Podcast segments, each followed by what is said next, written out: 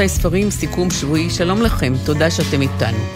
סיכום שבועי בשבוע שבו במעבדת השימור של הארכיון הציוני בירושלים נחשפו הפתקאות שעליהן כתב בנימין זאב הרצל, מחשבות, רעיונות, טיוטות לקראת הרצאות או מאמרים. בין השאר כתב על אחד הפתקים למה העשירים קשוחים וקמצנים בתרומות שלהם יותר מהעניים. על פתק אחר כתב מחשבה פמיניסטית, הילדים הם המכשול למתן אמנציפציה לנשים, ועל גבי פיסת נייר נוספת כתב, האגדה היא האמת הנצחית. הרצל מת בשנת 1904, כך שהפתקאות הן בנות 120 שנה לפחות.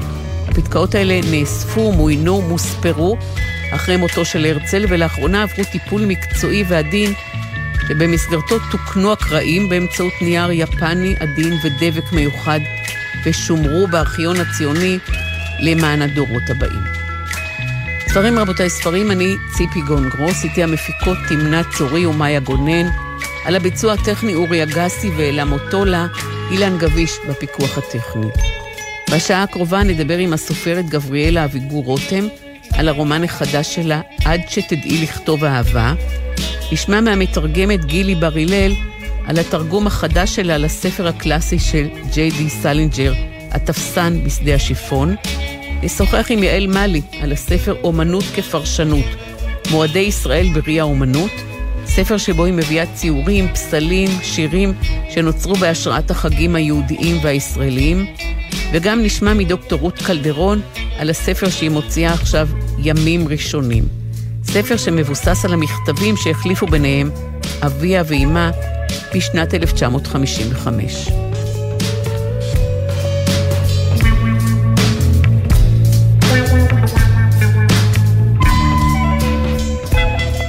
רמונה נולדה בארגנטינה.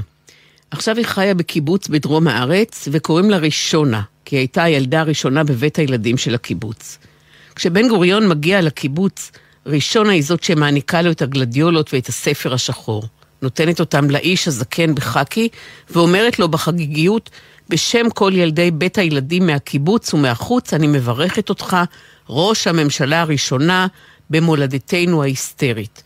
וכולם צוחקים בגלל הטעות שלה במילה האחרונה בברכה.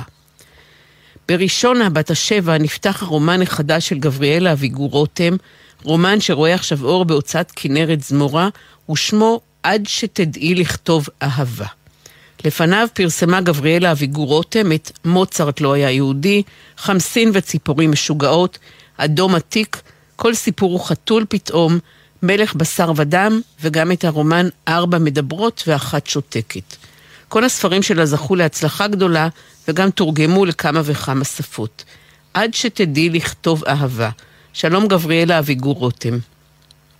שלום.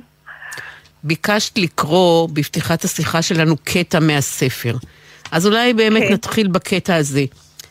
מי שהולך לאחור צריך להיזהר שלא ייתקע במשהו, כי לאף אחד אין עיניים בגב. בום! הגב של ראשונה נתקל במשהו שהוא לא עט ולא קיר, יותר רך, יותר חם, ובגודל שלה בערך. היא מסתובבת. ילד. ילד רזה עם ראש לא חפוף בצבע חיטה, עיניים חצי עצומות ופה הפוך של אוטוטו בכי. מי אתה? שואלת ראשונה. הילד לא עונה. אתה הילד החדש? נזכרת ראשונה שאמרו בבוקר. הילד לא עונה. אתה מבית קשה? שואלת ראשונה. הילד לא עונה. אז מי הביא אותך לפה? מנסה ראשונה להיות קצת יותר נחמדה. סבתא שלך? דודה שלך? כי ככה זה עם הילדי חוץ.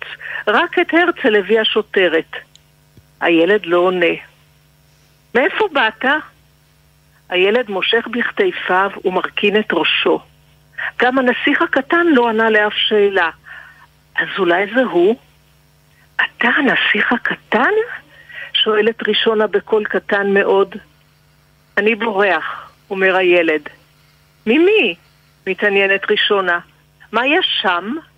מצביע הילד לעבר הגדר. שם זה הסוף של הקיבוץ, מודיעה לו ראשונה. ומה יש אחרי הסוף של הקיבוץ? מתעקש החדש לדעת. מסתננים. מבטיחה לא ראשונה. אם אתה הולך לשם, הם תופסים אותך וחותכים אותך לחתיכות ואוכלים אותך בלי מלח. את הביטוי הזה שמעה ראשונה בשיחה בין תרסה לאימא שלה, ואהבה אותו מאוד, כי בלי מלח שום דבר לא טעים. הפה של הילד החדש הולך לצדדים, ומבין השפתיים הוא מוציא פח שמתיז שהוא לא מאמין לאף מילה שלה. למה בחרת, גבי אביגור רותם, לקרוא דווקא את הקטע הזה? כי הקטע הזה הוא בעצם דבר שהולך ומתפתח לאורך כל הרומן. אמ, הפנטזיה שלה עם הנסיך הקטן והתמימות שלה והבורות שלה והמפגש בין שני העולמות עולם של ילד חוץ שמביא את החוץ אל הקיבוץ שבעצם אה, סגור בתוך מין אה, בועה אה, חלוצית אידיאולוגית שאמורה אה, ל- להיות מעין, מעין גן עדן חלוצי, אבל בגן העדן הזה, כמו בגן העדן האמיתי, יש נחש. והנחש יתחבר לילד כמו בנסיך הקטן. זה מרכיב שחוזר בספר שלך כמה וכמה פעמים, הנחש. למשל, הנחש שמקיש את יהושע, וראשונה רצה לחפש לו עזרה במרפאה, היא מגייסת את אבא שלה כדי שיסיע אותו לבית החולים. כן. אה, זה, בעצם הנחש הזה הוא אמ, כמו הנחש בגן העדן, הוא מראה לנו שגם כשאנחנו מנסים לעשות עולם אידיאלי, תמיד יש בו רוע, והרוע הזה יפגע. במישהו. אמ, בקיבוץ ניסו אה, ליצור חברה אידיאלית, שוויונית מוחלטת, שבה אין לאף אחד רכוש פרטי, אפילו לא שמלה שמקבלים במתנה מחוץ לארץ. ו... וכולם מקבלים אותו יחס, ו, ובכל זאת, יש נחש, כמו שבציור על הכריכה אה, יש ילדה עם, עם צל, והצל של הילדה, אם מסתכלים עליו קצת, הוא דומה לזאב. אה, יש צל שם, והרוע הזה גם מתבטא במערכות היחסים בין הילדים עצמם.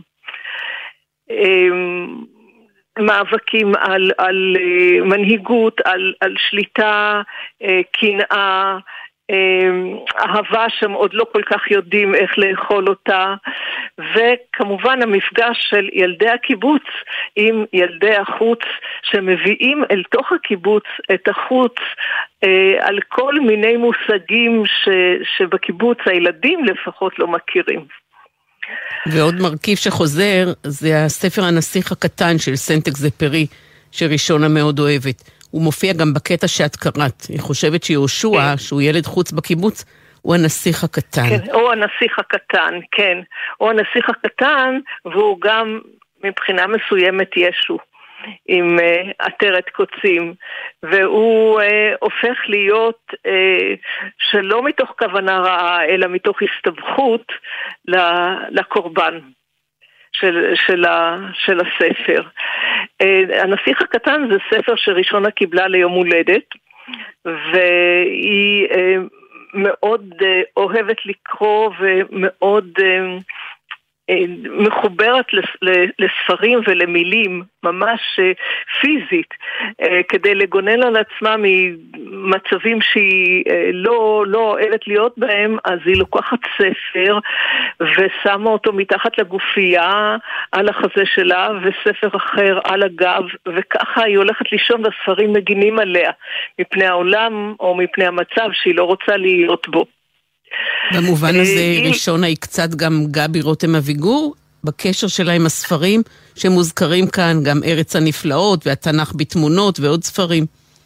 כן, כן, אני, אני בהחלט הייתי שטופה בקריאה מגיל צעיר ועד עכשיו, ובהחלט אה, קריאה לוקחת אותי לעולם אחר אה, בקלי קלות.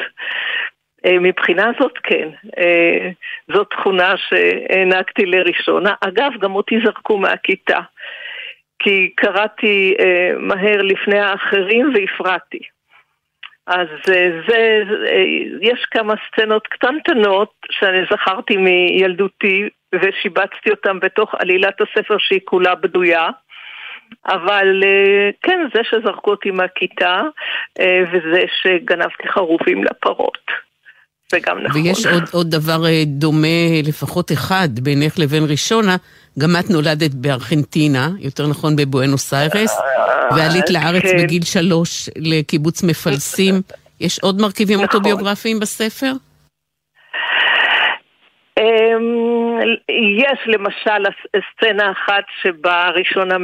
בחורף רצה החוצה בלילה ומגף אחד נתקע בתוך הבוץ הצמיג של המקום ואז היא רצה עם רגל אחת עם גרב ורגל אחרת עם מגף ואז היא אומרת שלרגל עם המגף בכלל לא אכפת כמה קר לרגל האחרת. זה, זה גם כן דבר ש... סצנה שאני זוכרת מאז.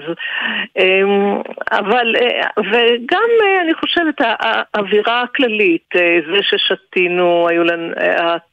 לא נתנו לנו חלב, כי היו רק שתי פרות במשק, זה היה משק מאוד צעיר. אז אמ, שתינו לארוחת בוקר ולארוחת ארבע תה בלי סוכר. והדרך שלי להמתיק את הסוכר הייתה להעמיס בתוכו אה, פיסת מרגרינה. אני שכנעתי את עצמי שזה יותר מתוק ככה. סצנות קטנטנות כאלה שלא, שלא משנות בכלל את מהלך העלילה, אלא אני חושבת מוסיפות איזשהו, איזשהו צבע. כי כשממציאים, או לפחות כשאני ממציאה דברים, אני מרגישה מין איזה צורך פנימי אה, לתקוע את ההמצאה ביתדות של אמת. אז יש כאן כמה יתדות של אמת, כולל באמת הביקור של, של בן גוריון בקיבוץ באותן שנים, כשהייתי בארכיון מפלסים, ראיתי אפילו את התמונה. של בן גוריון, לא שלי. אבל אני זוכרת שהגשתי לו פרחים. ולמה נקרא הספר עד שתדעי לכתוב אהבה? אה, מפני שראשונה שמאוד מתלבטת בענייני השפה, אה, ואיך כותבים ואיך אומרים, למשל היא חושבת, היא יודעת שאומרים זרוחית, והיא מתפלאת שהיא רואה שזה כתוב זכוכית, או כל מיני דברים כאלה. אה, את המילה אהבה היא כותבת בשגיאה וחושבת בשגיאה כל הזמן, אהבה. אמ, והיא אה, עד, עד סוף הספר היא בעצם אה, צריכה ללמוד איך לכתוב אהבה נכון וגם לדעת מה זה אהבה מפני ש... הרגשות שלה כלפי ילד זה, כלפי ילד אחר, כלפי ילד נוסף, היא, היא שואלת את עצמה אם האהבה עוברת כמו פרפר בין פרח לפרח. זה עוד לא מגובש אצלה, היא עוד uh, צריכה לדעת את זה. ובכוונה לדעת ולא ללמוד, גם בגלל הקונוטציות של הדעת וגם בגלל שהדעת שהציג אותה הנחש בגן העדן, היא שגירשה את האדם וחווה מגן העדן. הם אכלו מעץ הדעת. ברגע שאת יודעת, כל מה שאת לא יודעת ורוצה לדעת, כמו שאומרת ראשונה למורה שלה, אז, אז את מגורשת מגן עדן של התום. תודה רבה, גבריאלה אביגור רותם. הרומן נקרא עד שתדעי לכתוב אהבה, ואני יכולה לומר שקראתי אותו בנשימה אחת, והוא לא פחות טוב, אולי יותר טוב מרומנים קודמים שלך. הוא ספר מרתק. עד שתדעי לכתוב אהבה, הופיע בהוצאת כנרת זמורה. תודה רבה, גבי. תודה, תודה לך.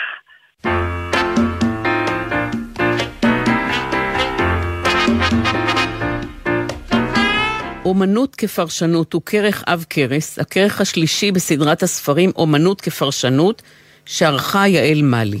מועדי ישראל בראי האומנות היא כותרת המשנה של הספר הזה, שהופיע בהוצאת ידיעות אחרונות.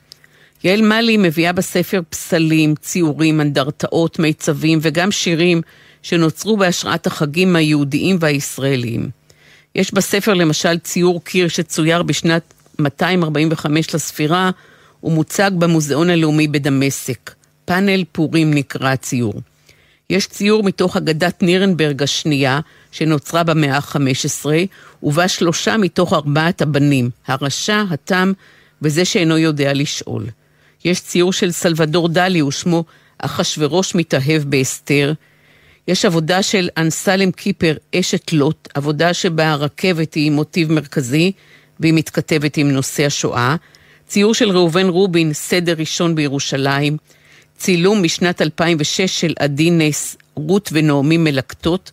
כמובן בספר גם גלגל המזלות מבית הכנסת שבבית אלפא, ותיעוד מתוך מיזם ההנצחה אבני נגף. 90 אלף אבנים ששובצו במדרכות ברחבי אירופה, ליד הבתים שבהם חיו יהודים עד שגורשו למחנות ולגטאות.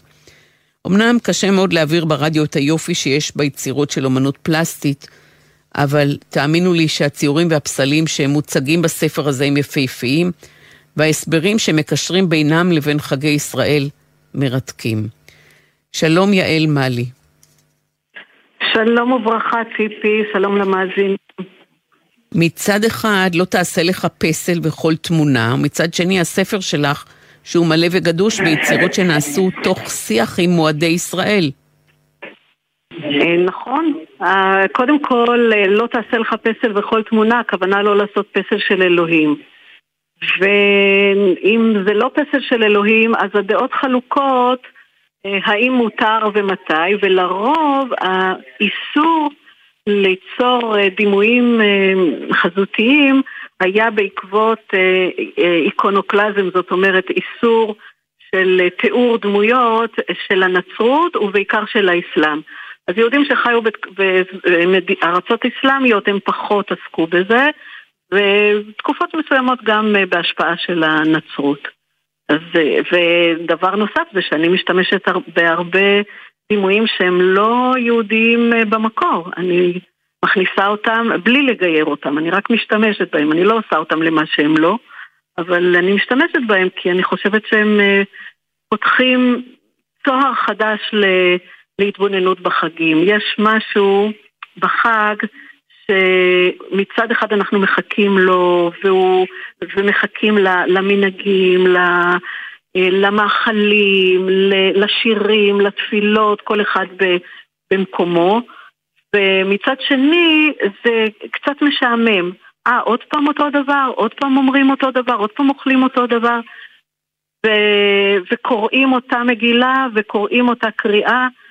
יש הרגשה קצת של דז'ה וו שכבר היינו שם, ותמיד מי שרוצה לחגוג, אז הוא רוצה לא רק ל... ל- לשנות, זאת אומרת לחזור, אלא גם uh, לשנות, גם להשתנות בעקבות זה, ואני ממש מחפשת את המקום הזה.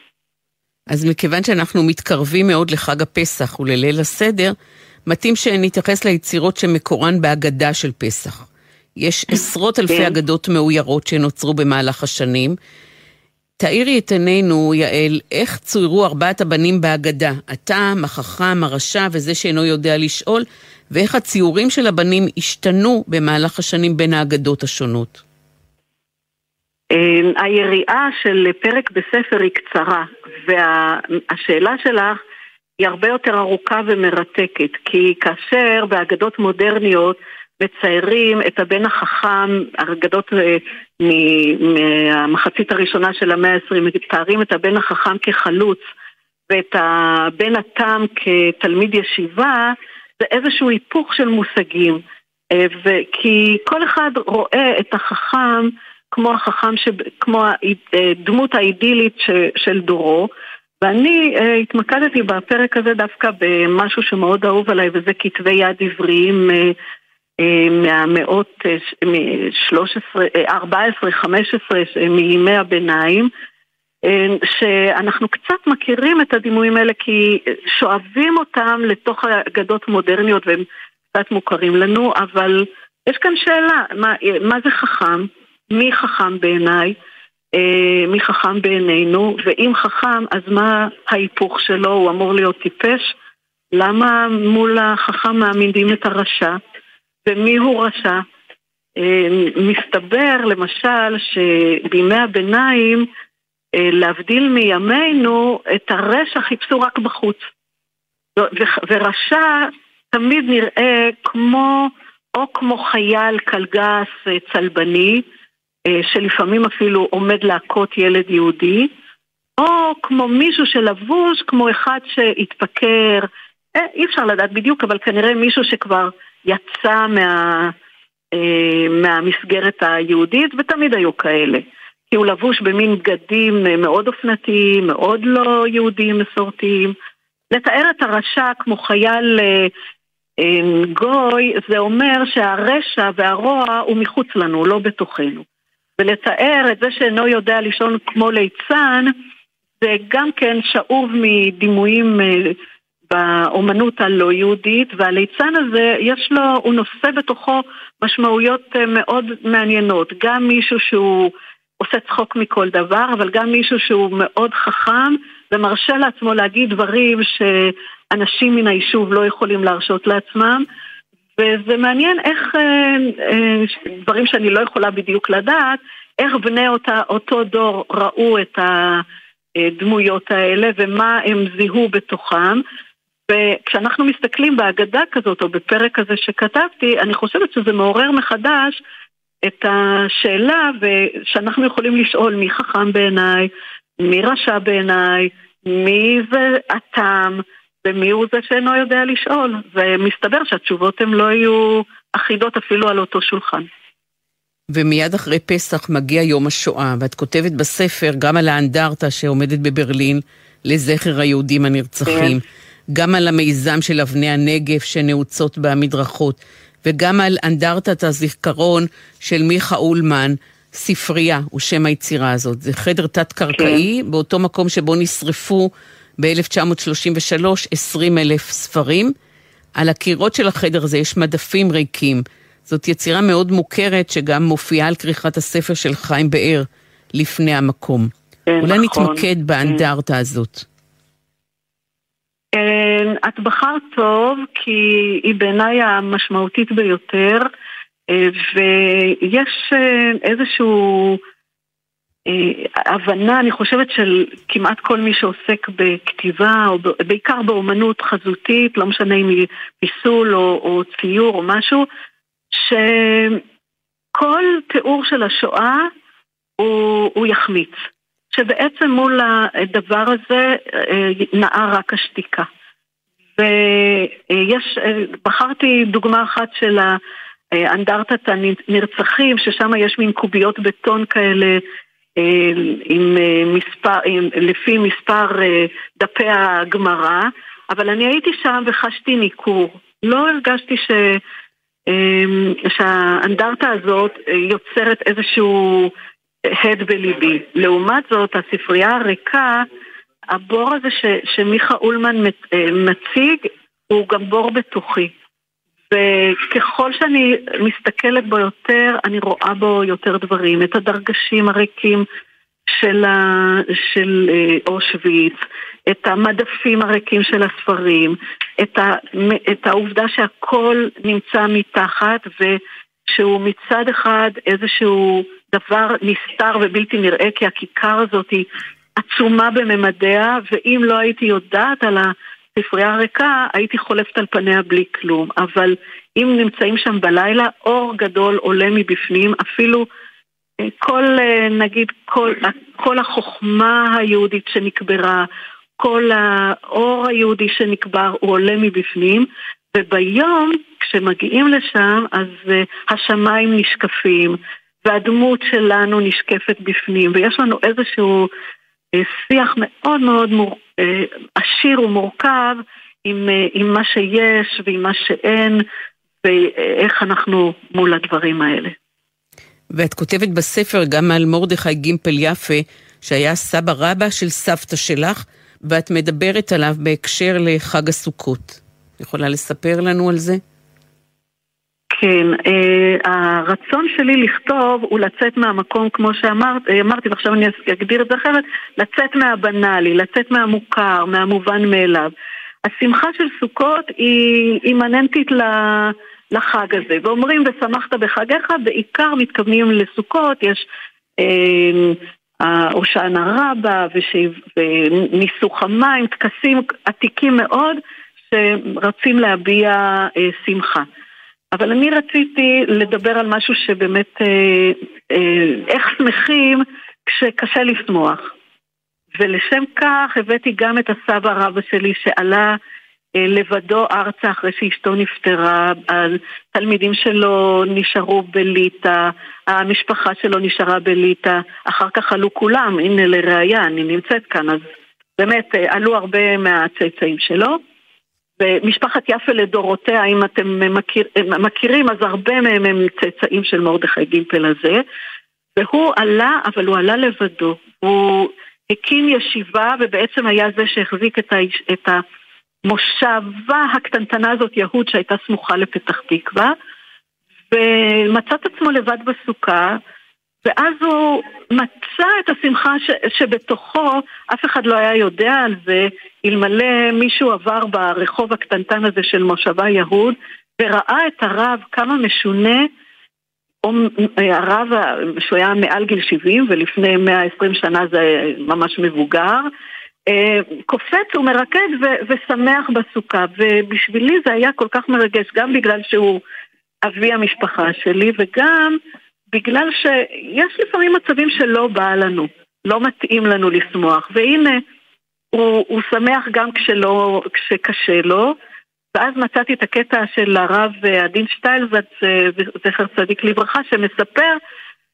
באמת באירוע של פיגוע מה קורה אה, שהתלמידים אומרים אין מצב, אנחנו לא יכולים לשמוח. אז הוא אומר, ושאבתם מים בששון, תשאבו מים מהעתיד, מה, מהבאר שעדיין לא אה, מפקה ועדיין לא זורמת, ותמצאו משם את המקורות של השמחה.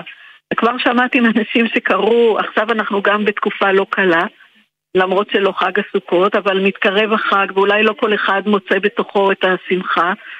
ומישהי צלצלה אליי ואמרה לי, קראתי בספר, ואני לקחתי והתעודדתי מזה, והתחילה לספר לי איך היא העבירה את זה כבר הלאה, לשאוב את השמחה מהעתיד. אז אמרתי, בטח סבא שלי נורא שמח שם למעלה בשמיים. תודה רבה, יעל מאלי. אומנות כפרשנות הוא הספר מועדי ישראל בראי האומנות, וחג שמח. ואני הכותבת והעורך הוא צור ארליך. תודה אז, רבה. אז uh, תודה לך וחג שמח.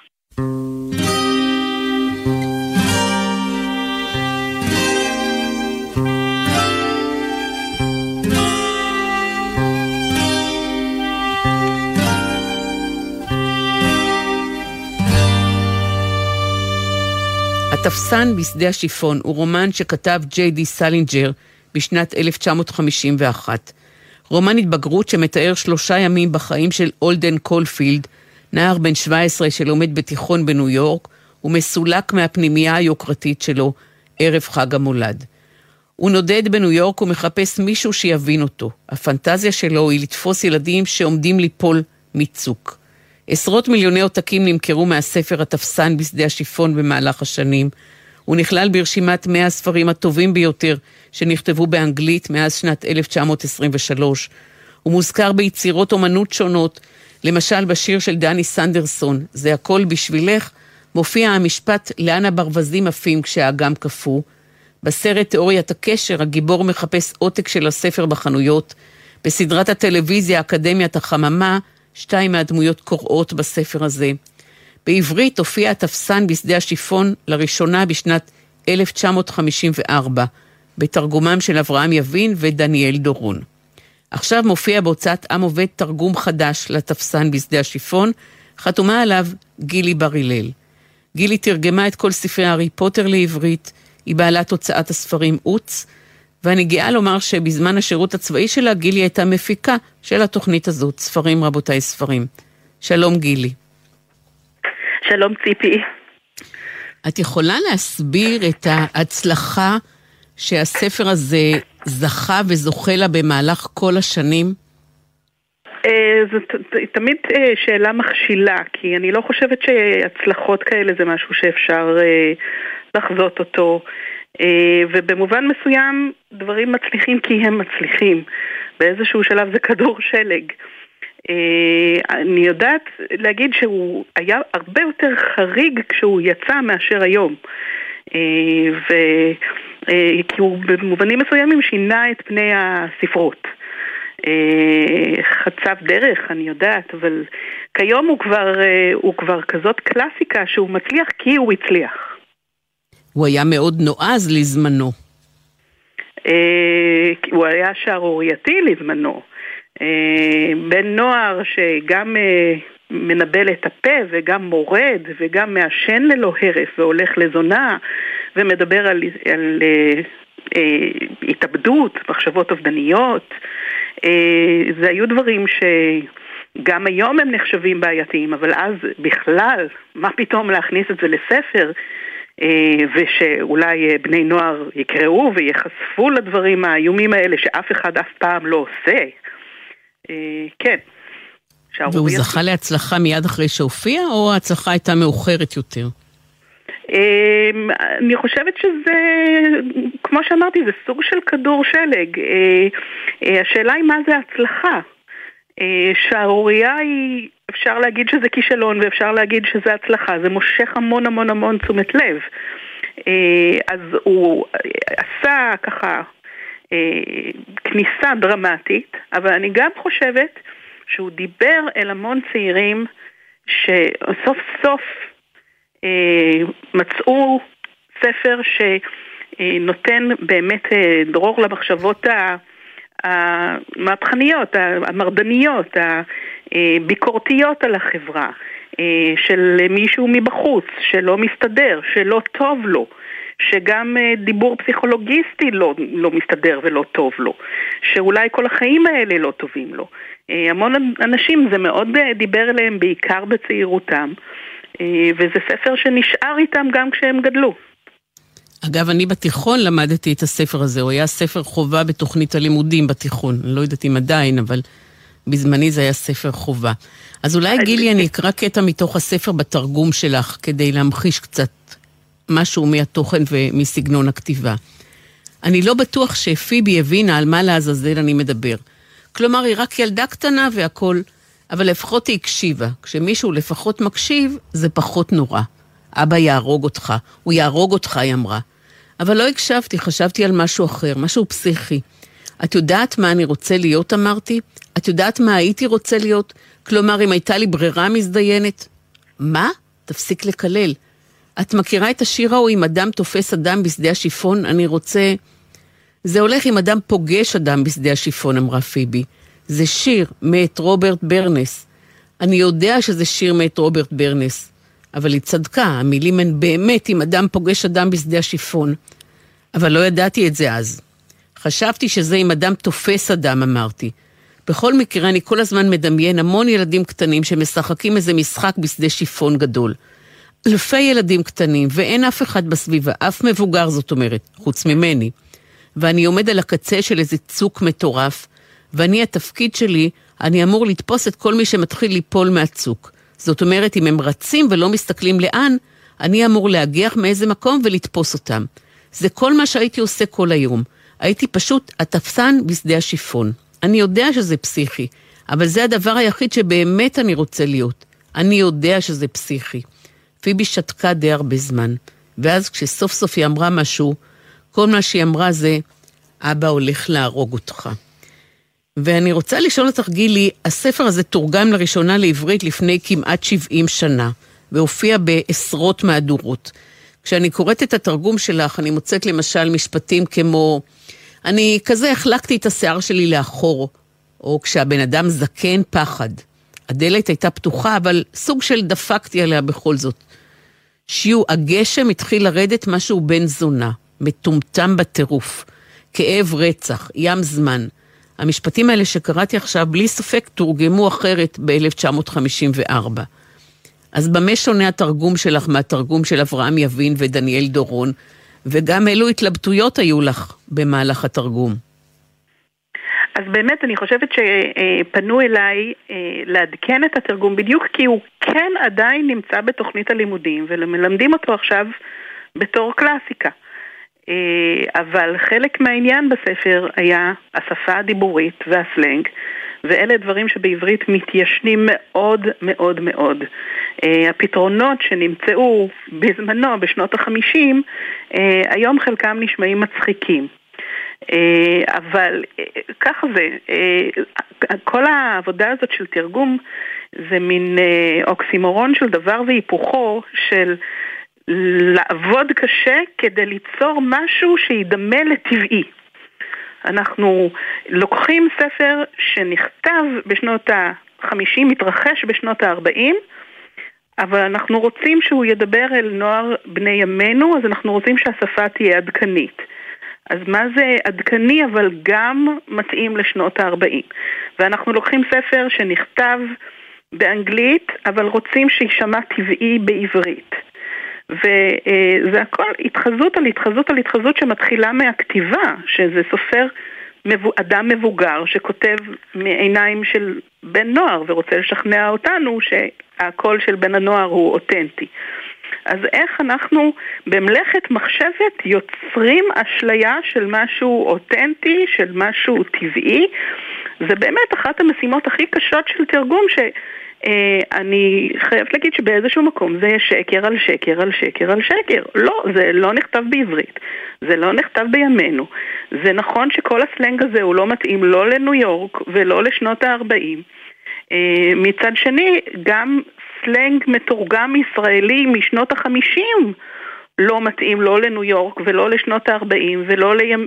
ולא לבני נוער uh, בני ימינו שקוראים ונתקעים בכל מיני ביטויים שהיום הם אה, עוד יותר משונים ולא טבעיים משהם היו ב- כשזה תורגם לראשונה. כמו לתרגם את הביטוי ה-Royal Pain in the Ass לכאב מלכותי בתחת. אה, או כאב מלכותי בישבן. אצלי זה כאב, זה קוץ בתחת, שזה הרבה יותר עברי אה, וטבעי לנו, אבל הוא אמר אה, כאב מלכותי, כי זה, זאת, זה היה הביטוי באנגלית. אה, או המילה שבאמת הייתה סוגיה, סוגיה ממש בעריכת הספר, כשאני רציתי פתרון אפילו יותר קיצוני ממה שבסופו של דבר הגענו אליו. הוא כל הזמן, כל הזמן הולדן בשיח הפנימי שלו אה, אה, מדגיש הכל ב-God damn. זה God damn ושם God damn וההוא God damn. אה, וזאת אחת הסיבות שהספר נחשב שערורייתי, שזה נחשב קללה. להגיד על הכל שזה ארור בעיני אלוהים. אבל אנחנו לא יכולים היום בעברית על הכל להגיד ארור. הזה הארור וההוא הארור, והוא הלך בצורה ארורה, זה עוד יותר, זה כמעט זורק אותנו למאה ה-19, כי מדובר בנורמות אחרות לחלוטין של מוסר, אה, ואנחנו רוצים איזשהו אה, אה, מילת סלנג שרק שם כדי לתת הדגשה, בלי להיכנס למשמעות האם זו הדגשה של מה אלוהים היה חושב, או הדגשה שהיא יותר טבעית לשפה בימינו, שזה לקלל כל הזמן. להגיד שהדברים הם דפוקים, שזה מזדיין והוא דפוק. אה, בתרגום הקודם הם השתמשו הרבה במילה מזופת. אה, מה שהופך את התרגום הקודם גם לסוג של קאלט. יש פה cult על cult. הספר הוא ספר cult, התרגום הקודם הוא תרגום cult, ועכשיו הניסיון אה, לעדכן זה שחיטה של כמה פרות קדושות בו זמנית. אבל אני חושבת שבכל זאת אה, זה ניסיון ראוי ונכון לנסות להנגיש אותו יותר אה, לדור עכשווי. וגם סלינג'ר עצמו נזרק מכמה וכמה בתי ספר, בדיוק כמו הולדן, וגם הוא היה אחראי על נבחרת הסייף בפנימייה שבה הוא למד, כמו הולדן. תודה ו... רבה, גילי בר הלל. התרגום החדש אכן מצדיק את עצמו. הספר נקרא בצורה מאוד מאוד אה, שוטפת ומשכנעת, ואני שמחה שהוצאת עם עובד הרימה את הכפפה וביקשה ממך לתרגם אותו מחדש. אגב, אני מאוד מאוד אוהבת את העטיפה. התפסן בשדה השיפון תרגמה גילי בר הלל, כתב את הספר ג'יי די סלינג'ר, והוא הופיע בהוצאת עם עובד. תודה רבה, גילי. תודה, ציפי.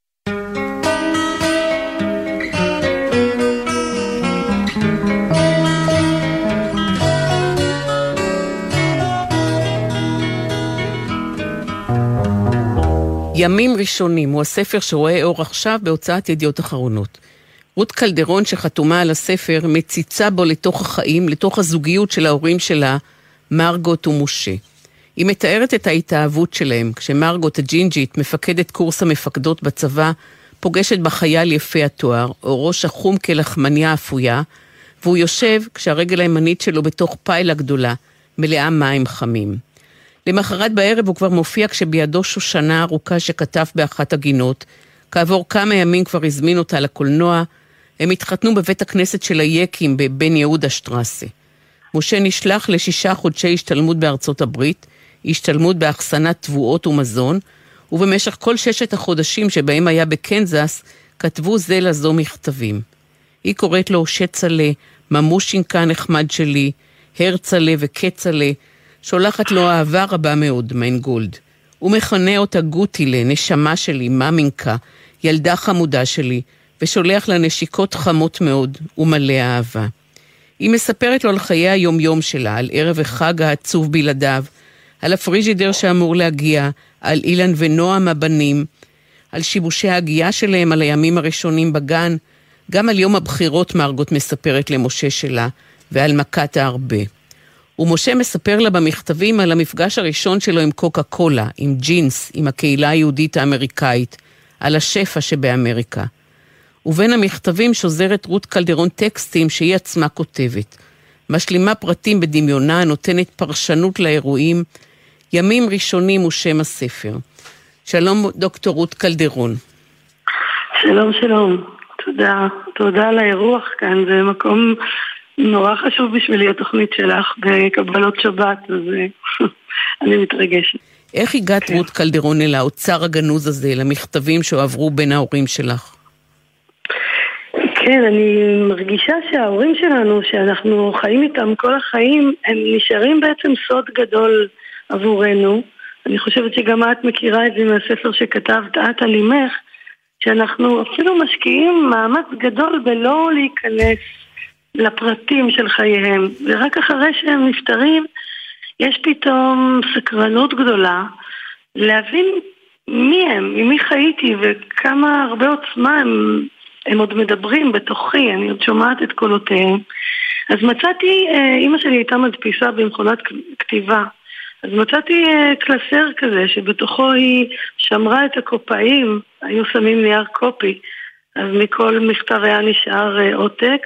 את העותקים שלה ואת המכתבים של אבא שלי בכתב יד צפוף קטן קטן באגרות אוויר וזה היה משנת 1955, שאני עוד לא נולדתי ודרך המכתבים האלה באיזשהו אופן היה לי האומץ והיכולת להיכנס לעולם לפני שבאתי לתוכו. לנסות להבין לאיזו משפחה הגעתי. דברים שהם לפני שאני הסתבכתי בתוכה. וזה היה באמת מרתק לפגוש הורים שהם צעירים ממני בכל כך הרבה שנים. אבל קריאה במכתבים שהוחלפו בין ההורים, כניסה לאינטימיות שלהם, יש בה גם משהו מרגש וגם משהו ככה קצת מביך, לא? אסור קצת, כן, כן. אמ, בכלל, אני חושבת שההורים, גם כשאנחנו חיים לצידם והילדים שלנו איתנו, יש משהו שהוא too much information, כאילו שהם, שלא, אי אפשר להכיל את כל האדם המורכב הזה שהוא בתפקיד כל כך חשוב מולנו. הרגשתי גם את הקושי להיכנס, אבל גם אה, שיש שם משהו כמו צלילה באיזה מכל ענק, שרק אם אני אגיע עד הקרקעית, אני אבין את עצמי. ויש יותר מרובד אחד למכתבים. גם הרובד העדתי, למשל, שזור בספר. הרי אבא שלך היה ספרדי, ואימא שלך, הג'ינג'ית, הייתה ממוצא גרמני. נכון מאוד. והיה הרבה מתח שאז עוד לא דיברו עליו כל כך, אבל שתי הסבתות הרגישו... אה, שהילדים שלהם התחתנו עם מישהו זר.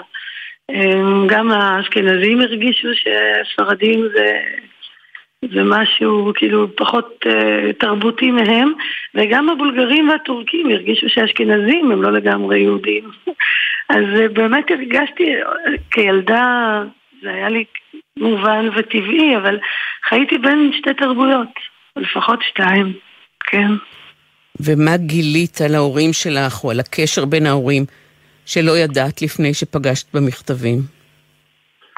המון המון דברים. כלומר, כנערה אני חושבת שהתקוממתי אה, מול זה שאימא שלי ויתרה כל כך על עצמה ונשארה תמיד בבית ואבא שלי נסע למרחקים ו...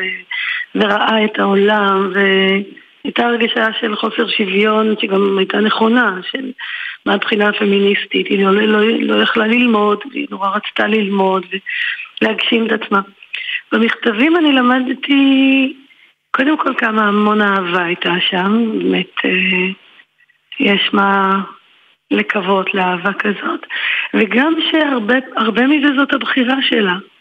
גם הבחירה שלה, גם הבחירה שלו, מין סיפור אודיסאוס כזה, שתלוי לגמרי בפנלופה שתחכה לו. והכובע שלך, רות קלדרון, כחוקרת תלמוד, בא לידי ביטוי כשקראת את המכתבים? כן, הרבה ממה שלמדתי כשלימדו אותי לקרוא טקסטים עתיקים, את אותה מיומנות של אה, לנסות לדייק באותיות ולהבין את הביטויים, כי יש כאן הרבה, כמו שאת uh, קראת, גם uh, גרמנית קצת, וגם בולגרית וגם טורקית, וכל מיני דברים שהשפה שדוברה בבית ושלא um, את כולה הבנתי תמיד, ונתנה המון צבע לדור, אנחנו כבר פחות מכירים אנשים עם מבטאים חזקים ועם הרבה מאוד שפה um, אחרת כזאת, מיוחדת, פתגמים ואמירות והשריקות שלהם. הרבה מהאושר הזה אה, הרגשתי מאוד בת מזל שגדלתי בתוך כל הדבר הזה, ובתוך זה גם הטרגיות של שני מהגרים שהגיעו לכאן אה, מגורשים מהעולמות הקודמים שלהם, ומנסים לבנות ביחד חיים בשיכון רחוק רחוק מעבר לירקון. אה, בסך הכל אה, לא אגיד בעוני, אבל בקושי כלכלי גדול. כל הזמן אמא שלי מלווה וחייבת, ו... ואין כל כך איך לגמור את החודש. ואהבה גדולה למקום הזה, וגם איזה מבט לחוץ לארץ כאופציה אחרת, שהוא לא היה כל כך לגיטימי. המון המון דברים, את יודעת, כמו החיים. ולמה החלטת לשלב קטעים שאת כתבת, רות קלדרון, בין המכתבים של ההורים, ובאיזה אופן שילבת אותם? אז גם uh, הרבה הרבה פעמים קראתי את המכתבים, והם היו, הייתי בוכה כשרק הייתי פותחת אותם, זה כל כך uh, הסעיר אותי. אז התחלתי לענות ולכתוב חזרה, הרי אני גרה באותה דירה שבה מסופר הספר, והתחלתי לכתוב להם כאילו מכתבים בחזרה, ואז הרגשתי שאת אותו סוד שאי אפשר לתפוס על חיים של אדם מהדור הקודם, אני אנסה פשוט לספר את, ה, את הסיפור הפשוט, מאיפה הם באו, מה הם עשו, איזה זוגיות הייתה להם קודם, אחר, מה היה אחר כך, אבל רק בנגיעות בין המכתבים. אמ, עדיין אני, גם עכשיו שקראת, אני מרגישה שחלק מובן וחלק נשאר כמוס, כמו כמו חיים של אדם, גם מאוד הרשים אותי איך שאימא שלי מתבוננת בשני האחים הגדולים שלי, שהיום הם כבר רופאים שפרשו מבתי החולים, אמ, בהתבוננות כמעט אנתרופולוגית, וכותבת את הפרטים הקטנים של תחילת הדיבור שלהם, של ההתנהגות שלהם, ו... ו... אבא של הילדים שלי אמר לי שאיך בתיאור של ילדים כל כך פעוטים היא הצליחה להכיר מי הם הפכו להיות. אז את כל הדבר הזה אני רציתי לנסות גם להבין וגם להביא החוצה, כי זה גם סיפור על ההורים הפרטיים שלי, אבל זה גם סיפור על המדינה הזאת, על מה זה להיות בבחירות השלישיות, רק עשר שנים אחרי שבורחים מאירופה מכאן ומשם, והניסיון להקים את כל הדבר הזה שהיום אנחנו רואים בחוץ אה, סכנה כזאת, ו... ודאגה גדולה לקיומו, ואיך זה נתפר ונבנה על ידי אנשים לגמרי פרטיים שמנסים לחיות את חייהם ולמצוא את הבית והאהבה שלהם. ואת מקדישה את הספר לשני האחים שלך, נועם ואילן. איך הם הגיבו כן. על הטקסטים האלה של ההורים ועל מה שאת עשית מהם? הם מאוד נדיבים האחים שלי, כי באמת מתארים אותם שם באופן אה, מאוד מאוד חשוף. נועם, אחי הבכור, אה, אומר שהוא בוכה כל פעם שהוא קורא, אבל זה החזיר אליו הרבה, הרבה תובנה על הרבה דברים בו, כי הוא הילד הבכור ששומר על אימא. ואילן, אחי הצעיר, שהוא מבוגר ממני, נדמה לי שהוא עוד לא קרה. אני, אני חושבת שזה, אני לא יודעת, הוא יותר מסתורי. אני בטוחה שצפויה לו התרגשות גדולה כשהוא יקרא. תודה רבה, תודה. רות קלדרון. הספר נקרא ימים ראשונים, והוא הופיע בהוצאת ידיעות אחרונות. תודה, רות. תודה לך, ציפי. תודה רבה.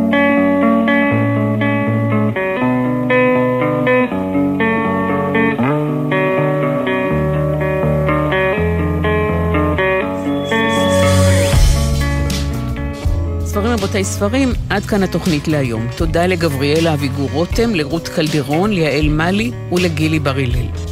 כתובת המייל לתגובות שלכם ספרים, גון גרוס 1, כרוכי ג'ימל נקודה. שימו לב, הכתובת השתנתה והיא עכשיו ספרים גון גרוס 1, כרוכי ג'ימל נקודה קום. באתר גלי צה"ל וגם ביישומון אפשר להזין שוב לתוכנית, ודף הפייסבוק שלנו, ספרים רבותיי ספרים מגלי צה"ל, מחכה ללייק שלכם. הפיקו את התוכנית תמנה צורי ומאיה גונן, על הביצוע הטכני אורי אגסי ואלה מוטולה, בפיקוח הטכני אילן גביש. סיפור קטן ויפה לסיום, השבוע שמעתי שהוצאת הספרים הקיבוץ המאוחד מחלקת מדי שבוע ספרי ילדים ונוער בכריכה קשה לאוכלוסייה של ילדי המהגרים בדרום תל אביב. נוגה אלבלח, מנהלת ההוצאה והעורכת הראשית שלה, יזמה את המבצע היפה הזה, ואבנר גלילי, שמביא את הספרים במכונית שלו, מספר שהעיניים של הילדים נוצצות מאושר כשהם מקבלים לידם את הספרים החדשים והיפהפיים. אני מורידה את הכובע בפני הוצאת הקיבוץ המאוחד. ספרים רבותיי ספרים, אני ציפי גון גרוס. בשבוע הבא כל התוכנית תהיה המלצות על ספרים חדשים לקראת מתנות הפסח. תודה שהייתם איתנו, שתהיה שבת שלום ואחרי השבוע מצוין.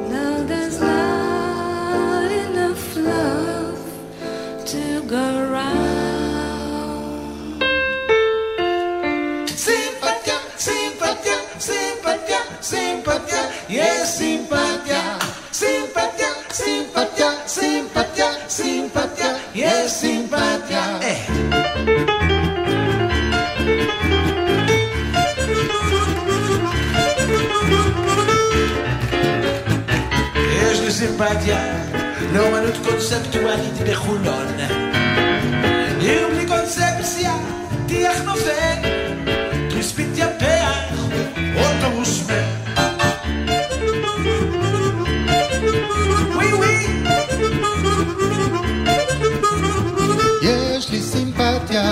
לאנשים שמתאמצים בתל אביב, לה לה לה לה לה לה. יש לו סימפתיה, גם לי סימפתיה. יש לי סימפתיה לאנשים שמתעקשים בתל אביב.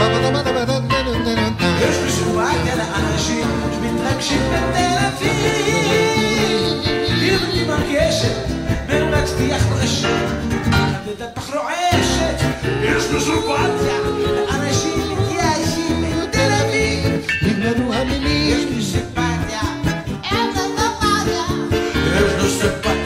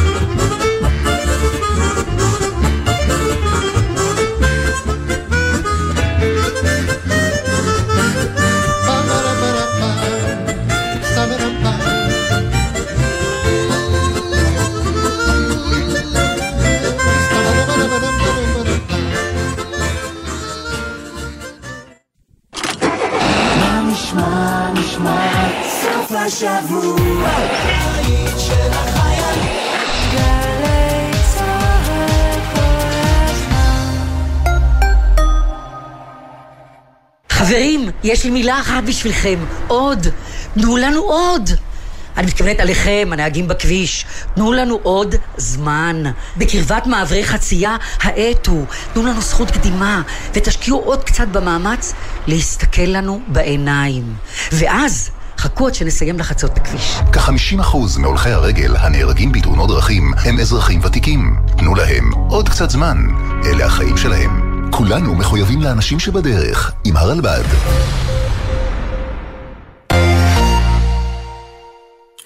עם מי הייתם רוצים לשבת לקפה?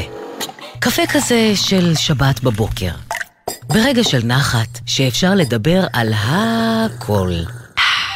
נורית קנטי מזמינה אתכם להצטרף אליה בכל שבת ב-8 בבוקר לשיחה אישית עם דמויות מפתח בחברה הישראלית. והשבוע, כלת פרס ישראל גילה אלמגור. מחר, 8 בבוקר, גלי צה"ל.